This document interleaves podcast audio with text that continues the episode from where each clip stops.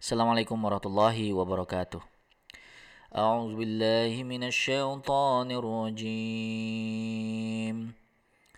أفرأيت الذي تولى وأعطى قليلا وأكدى أعنده علم الغيب فهو يرى أم لم ينبأ بما في صحف موسى وإبراهيم الذي وفى ألا تزر وازرة وزر أخرى وأن ليس للإنسان إلا ما سعى وأن سعيه سوف يرى صدق الله العظيم ربي اشرح لي صدري ويسر لي أمري واحلل عقدة من لساني يفقهوا قولي ثم أما بعد Alhamdulillah wassalatu wassalamu ala rasulillah wa ala alihi wa ashabihi ajma'in Jamaah sekalian yang dimuliakan Allah subhanahu wa ta'ala Para pendengar yang budiman uh, Pada kesempatan kali ini kita akan mempelajari surah An-Najm Yaitu surah yang cukup unik juga di dalam Al-Quran Yang mana surah ini dimulai dengan peristiwa awal wahyu pertama diturunkan anda tahu wahyu yang pertama diturunkan adalah surah Al-Alaq ayat 1 sampai dengan 5. Namun surah ini menjelaskan peristiwanya. Apa yang terjadi setelahnya. Jadi di surah Al-Alaq ini adalah di mana Jibril alaihissalam menyampaikan secara langsung kepada Nabi Shallallahu alaihi wasallam dan surah An-Najm ini Allah Subhanahu wa taala menjelaskan peristiwanya itu sendiri. Jadi pengalaman melihat Jibril alaihi salam dan juga perjalanan yang dilakukan bersama Nabi SAW di malam Mi'raj. Dan di tengah surah ini ada sedikit transisi atau perpindahan pembicaraan yang diarahkan kepada kita yaitu tema tentang manusia dan perjuangan untuk menerima Nabi Shallallahu Alaihi Wasallam. Menerima Nabi Shallallahu Alaihi Wasallam secara secara sederhana berarti bersyahadat, ya kan? Namun ada dimensi lainnya, yaitu ketika seseorang menerima Islam bahwa itu merupakan keinginan untuk mengubah diri menjadi keinginan yang sesuai dengan kehendak Allah Azza wa Jalla. Jadi berislam itu adalah mengubah keinginan diri itu menjadi keinginan yang sesuai dengan kehendak Allah Azza wa Jalla. Jadi perubahan besar yang terjadi pada diri seseorang. Dan kadang perubahan itu bukanlah perubahan yang mudah bukanlah hal yang sepele. Karena kadang kita sudah merasa di zona yang nyaman untuk pindah dari zona tersebut itu tidaklah mudah. Jadi di surah ini Allah Subhanahu wa taala menjelaskan tentang bagaimana perjuangan mereka ini dalam melakukan hal tersebut, dalam melakukan perubahan tersebut. Dan kita berusaha untuk mengambil inspirasi dari ayat ini dan untuk diri kita semua ketika kita menemukan kesulitan untuk melakukan perubahan, tentunya dalam diri kita agar kita mampu menjadi orang yang lebih baik. Allah Subhanahu wa taala berfirman, "Afara'aitallazi tawalla?" Apakah engkau memperhatikan orang yang berpaling? Rasulullah SAW diberitahu untuk memperhatikan orang yang berpaling dari kebenaran. Kebenaran yang datang dari sumber yang benar, Allah Azza wa Jalla, dan disampaikan oleh manusia terhormat dan paling mulia yaitu Nabi Shallallahu Alaihi Wasallam dan mereka masih berpaling. Apa yang terjadi dalam pikiran mereka ini? Dan ada beberapa kemungkinan mengapa seseorang itu menolak sebuah informasi. Yang pertama adalah ada yang keliru dengan pesannya, dengan informasinya. Satu hal. Yang kedua, atau bagaimana cara menyampaikannya atau bisa jadi ada masalah kepada orang yang memberikan informasi tersebut. Jadi ada dua hal ini bagaimana seseorang itu menolak informasi. Rasulullah SAW adalah orang yang memiliki kredibilitas yang tinggi dan jelas tidak ada yang salah dalam ayat Allah. Ayat Allah adalah yang terbaik. Jadi sebenarnya tidak ada alasan rasional untuk menolak Islam. Sampai mereka menyebut Quran itu sebagai sihrun yu'thar sihir yang sangat memberi, memberikan dampak yang bagi pendengarnya gitu. Fakta bahwa mereka mengatakan demikian secara tidak langsung mereka mengakui bahwa Quran itu bukan hal yang biasa menurut mereka. Mereka sadar itu sesuatu yang luar biasa yang tidak bisa dijelaskan dengan akal mereka. Mereka mungkin bermaksud menghina namun di balik hinaan itu tersimpan ketidakberdayaan mereka mengalahkan Quran. Melihat fakta kekuatan Quran tersebut, mengapa lantas mereka tidak langsung saja beriman kepada Allah dan Rasulnya? Lalu Allah Subhanahu wa taala menjelaskan di ayat selanjutnya, wa a'ta qalilan wa akda. Allah menjelaskan salah satu karakter mereka yang menolak ini dengan mengatakan dia memberi sedikit lalu dia berhenti untuk memberi. Jadi di sini Allah Subhanahu wa taala menjelaskan bahwa memberi sesuatu adalah sifat yang umum yang dimiliki oleh seseorang. Semua punya potensi untuk memberi. Namun Kadang dia merasa dengan pemberiannya tadi itu sudah mewakili semua kebaikan dan dia tidak butuh tambahan kebaikan lainnya. Dengan kata lain, dia menahan diri untuk berbuat kebaikan lainnya. Dengan kebaikan yang kecil itu, dia merasa sudah memberi banyak hal. Dan dia menceritakan apa yang dilakukannya itu kepada semua orang agar orang tahu bahwa dia telah berbuat baik.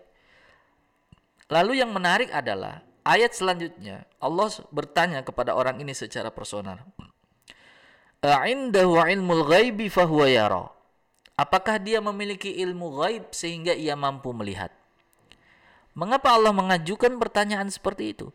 Ketika Anda merasa bahwa kebaikan yang sedikit itu adalah yang terbaik buat Anda di mata Allah, maka di situlah masalahnya. Apakah dia mampu melihat yang gaib? dan menganggap dia punya hubungan yang spesial dengan Allah sehingga dia menganggap kebaikannya itu sudah cukup. Oke, jamaah sekalian, ada dua pandangan ekstrim. Islam adalah tentang keseimbangan. Jadi ada orang yang berpandangan dengan putus asa yang berlebihan bahwa dia bakal masuk neraka, dia menganggap amalnya sia-sia dan tidak berarti di sisi Allah Azza wa Jalla. Tentu pandangan seperti ini juga pandangan yang keliru. Dan dia mengambil hak Allah untuk menghakimi dirinya sendiri. Dan kadang-kadang kita melempar hal ini juga ke orang lain dengan mengatakan bahwa mereka akan masuk neraka, sholatnya sia-sia dan seterusnya. Ini pandangan yang keras, pandangan yang ekstrim yang kedua. Pandangan yang ekstrim yang pertama. Pandangan ekstrim yang kedua adalah yang dijelaskan pada ayat ini yaitu dia merasa cukup dengan kebaikan yang sedikit itu tanpa mau menambah untuk kebaikan lainnya. Ia berhenti pada satu kebaikan lalu bagaimana caranya kita berada pada titik keseimbangan. Jadi orang ini, orang ini berhenti pada satu titik kebaikan. Dia tidak dia menganggap apa yang dilakukannya itu sudah cukup. Lalu bagaimana caranya kita berada pada titik seimbang agar tidak termasuk golongan yang ekstrim tadi? Karena memang kita butuh dua hal yaitu rasa takut dan rasa harap. Takut amal kita masih belum cukup, berharap Allah memberikan kita rahmatnya. Allah menjawab di ayat selanjutnya. Wa Ibrahim uh, am lam yunabba bima fi suhufi Musa wa Ibrahim alladhi waffa. Apakah mereka belum menerima berita yang berasal dari suhuf Musa dan yang diberitakan Ibrahim alaihi salam? Bahkan di surah lainnya dikatakan Quran ini adalah Inna hadza lafi suhufil ula suhufi Ibrahim wa Musa. Quran ini sudah ada di lembaran suci sebelumnya yang telah diberikan kepada Ibrahim dan Musa alaihi wassalam. Jadi Allah mengatakan, Allah Subhanahu wa taala mengatakan, ada sesuatu di dalam kitab yang jika kita mampu menginternalisasikannya, maka kita akan menemukan yang namanya titik keseimbangan. Titik keseimbangan itu hanya bisa kita temukan dengan mempelajari apa? Mempelajari kitab Allah. Dan tentu sebagian besar kita tidak tahu apa yang ada pada kitab yang diturunkan kepada Musa dan juga yang diturunkan kepada Ibrahim. Jadi Allah menyimpulkan semua hal tersebut di sini, di mana di Al-Qur'an. Allah mengerti bahwa kita tidak bisa mengakses hal tersebut. Jadi Allah memberikan bagian pesan yang kita butuhkan yang dengan itu kita temukan yang namanya keseimbangan hidup. Lalu ia melanjutkan, Allah taziru waziratun wizra ukhra. Bahwa tidak ada seorang pun yang membawa beban orang lain. Ini adalah pernyataan yang sangat kuat di dalam Al-Quran. bahwa kita semua akan bertanggung jawab atas diri kita masing-masing. Dan pada akhirnya kita harus mampu bertanggung jawab di hadapan Allah atas pilihan kita sendiri. Kita tidak akan bisa menyalahkan masyarakat atau tekanan dari luar, teman, keluarga, atau hal lainnya. Anda bertanggung jawab atas Anda sendiri. Wizr itu berarti beban yang berat. Anda dan saya telah diciptakan oleh Allah Subhanahu wa taala untuk dapat menanggung beban yang berat. Tentu kita banyak mendapat tekanan dari luar. Semua hal yang kita lakukan dipengaruhi faktor luar. Namun pada akhirnya ada dua jenis orang. Yang pertama, balil insanu ala nafsihi basirah walau alqa ma'adzirah. Mereka yang beralasan dan melemparkan tanggung jawabnya kepada orang lain berlindung di balik alasan dan tentu seperti halnya balapan, misalnya di antara kita memiliki potensi yang beragam, ada yang cepat, ada yang lambat. Tapi di sini Allah Subhanahu wa taala tidak melihat siapa di antara kita yang nomor satu. Allah hanya melihat siapa di antara kita yang sudah berusaha maksimal. Dalam perlombaan bisa saja ada orang yang memang punya kelebihan dalam hal itu dan mengalahkan lainnya dengan mudah. Ada orang yang mampu menyumbangkan uangnya melebihi kebanyakan orang lain menyumbang. Tapi dalam amal soleh, Allah melihat seberapa besar usaha Anda memaksimalkan potensi diri Anda. Itulah pesan dari ayat ini, bahwa kita mampu menanggung beban kita sendiri dan kita tidak menanggung beban orang lain. Jadi kita diajarkan mulai bertanya pada diri kita sendiri dan tidak membandingkan diri kita dengan orang lain. Allah tidak menginginkan diri Anda membandingkan diri Anda dengan orang lain. Allah hanya meminta Anda membandingkan dengan diri kita sendiri. Apakah kita sudah memaksimalkan potensi yang diberikan kepada kita? Bisa kita meningkat? Bisakah kita meningkatkannya dengan yang lebih baik lagi?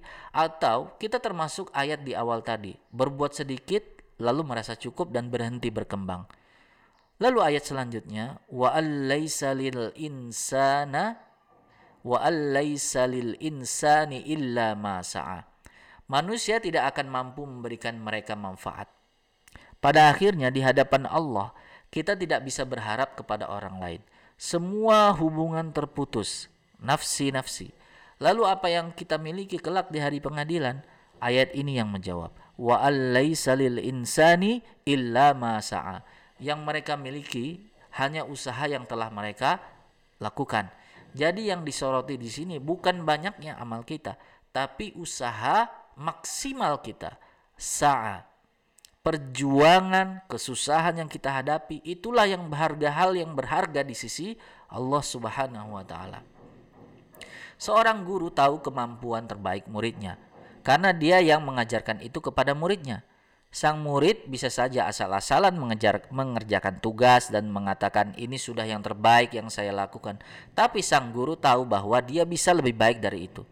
Sang karyawan juga demikian di hadapan bosnya. Bisa saja dia mengaku sudah melakukan yang terbaik, padahal bosnya lebih tahu kemampuan terbaiknya. Atau sebaliknya, kalau guru yang guru baru pertama bertemu dengan muridnya, dia dan dia melakukan tugasnya, mungkin guru tadi tidak tahu sejauh mana kemampuannya. Begitu juga bos terhadap karyawan yang baru. Namun di hari pengadilan nanti, semua hal yang kita lakukan akan tampak bahwa itu adalah sudah usaha yang terbaik atau belum. Wa an sa'yahu saufa yura dan usaha mereka itu akan tampak dan terungkap di hadapan mereka. Saat ini yang tampak adalah hasilnya. Namun usahanya tidak terlihat. Kelak di hari pengadilan, usaha kita ini akan terungkap. Jerih payah kita akan dihargai Orang yang menyumbang satu miliar dengan penghasilan 10 miliar akan terlihat mudah dibanding orang yang menyumbang 50 ribu rupiah sedangkan di dompetnya hanya ada 100 ribu. Allah melihat semua hal itu dan Allah lebih menghargai jerih payah yang kita lakukan. Allah akan menghargai kualitas usaha yang kita lakukan. Maka di sinilah saatnya kita mulai mempertanyakan di level manakah usaha yang kita telah lakukan di hadapan Allah Azza wa Jalla. Allah Subhanahu wa taala tidak meminta banyak hal kepada kita. Ayat pertama tadi adalah tentang bagaimana seseorang merasa cukup dengan kebaikan kecilnya dan tidak berusaha untuk lebih baik lagi. Dan di bagian akhir Allah Subhanahu wa taala menjelaskan apa yang telah Allah perbuat untuk kita dan dia mengatakan wa annahu huwa agna wa aqna. Allah yang membuatmu sejahtera. Namun juga dialah yang membuatmu berkecukupan. Wa aqna berarti puas dengan yang ada. Ini pernyataan yang juga sangat-sangat kuat. Bukan karena kekayaanlah yang membuat Anda puas, Seseorang bisa saja memiliki harta yang di luar Anda bayangkan banyaknya dan dia masih merasa tidak puas, tidak cukup dan tidak tenang. Sebagaimana Allah Subhanahu wa taala mampu membuat seseorang kaya, dialah juga yang mampu membuat seseorang itu puas dan cukup dengan apa yang dimilikinya, walaupun itu sangat sedikit. Kadang ada orang yang terlihat tidak punya apa-apa, namun ia sangat puas dan tenang. Dan ketika ketenangan datang, maka keserakahan itu akan menjauh. Bahkan wa annahu huwa adhaka wa abka. Dialah yang mampu membuat seseorang itu tertawa dan sedih. Jadi untuk urusan bahagia dan sedih pun itu juga pemberian dari Allah.